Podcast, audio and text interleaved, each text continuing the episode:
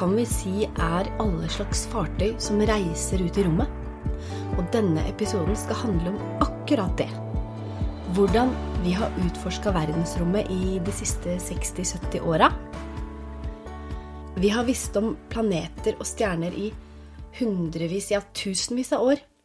Men det å faktisk reise fra jorda ut i det store ukjente, det var lenge bare en drøm. Men drømmen ble virkelighet på 60-tallet. I 1961 så klarte Russland, eller Sovjetunionen som det het da, å sende en mann opp i verdensrommet. Han het Juri Gagarin, og han reiste kun i bane rundt jorda. Han rakk én runde rundt jorda og brukte 108 minutter fra takeoff til landing. De neste åra etter det så konkurrerte USA og Russland om å være best på romfart. Russland var først ute med å både sende dyr og mennesker ut i verdensrommet. Men i 1969 så var USA første landet til å sende mennesker til månen. NASA, som da er romfartsorganisasjonen til USA, sendte tre mennesker i et romskip helt til månen. Så langt ute i verdensrommet hadde ingen mennesker vært før.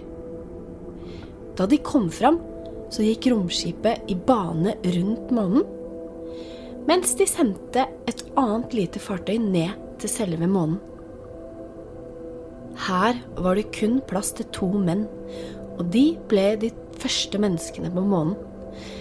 De het Buzz Aldrin og Neil Armstrong. I årene som fulgte, så besøkte flere mennesker månen. Totalt så er det tolv menn som har gått rundt på månen. Men det er så dyrt å reise dit. Og etter at vi var der den gangen, så har vi liksom ikke hatt noen grunn til å reise dit igjen. Så vi slutta med det. Så siden 70-tallet så har ingen flere besøkt månen. NASA la bort alle slags planer om å sende mennesker ut i rommet, og begynte heller å fokusere på å bygge sonder som skulle forske på rommet. Sonder det er små maskiner som kan reise lange avstander, og de har utstyr for å undersøke og forske. De kan ta masse bilder, de kan ta videoklipp, og de måler temperatur og hva slags stoffer det er der, osv. I 1977 så ble det sendt ut to sonder som het Voyager 1 og Voyager 2.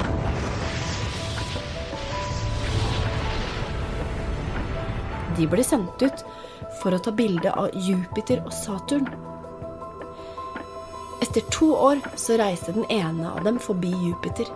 Den tok tusenvis av bilder av både Jupiter og månene som er rundt, og den oppdaga til og med to nye måner.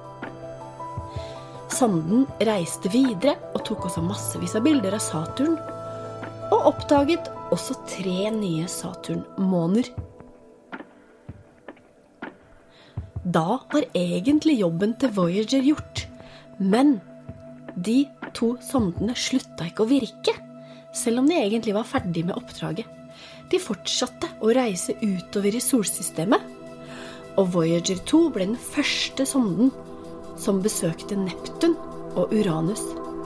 Det skjedde i 1989, så det tok altså ti år før Voyager hadde reist helt ut til Neptun. Så hva skjedde med Voyager-sonden etter det?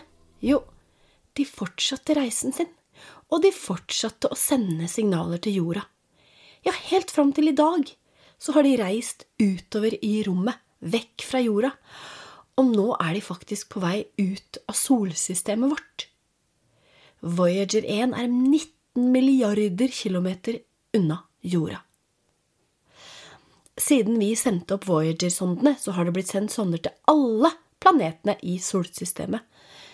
De fleste sondene går bare i bane rundt eh, den planeten som den skal forske på. Men så har vi også noe som heter landingssonder. Det er sonder som faktisk kan lande. Og det er bare månen, Venus og Mars som har hatt besøk av sånne.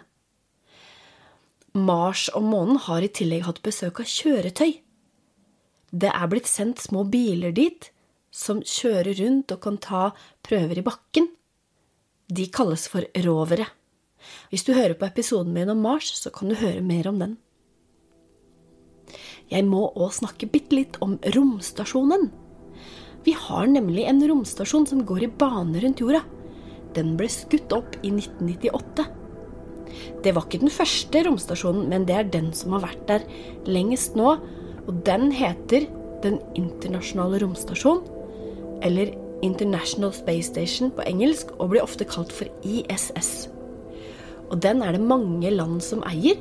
Blant annet så er vi i Norge medeiere i den romstasjonen.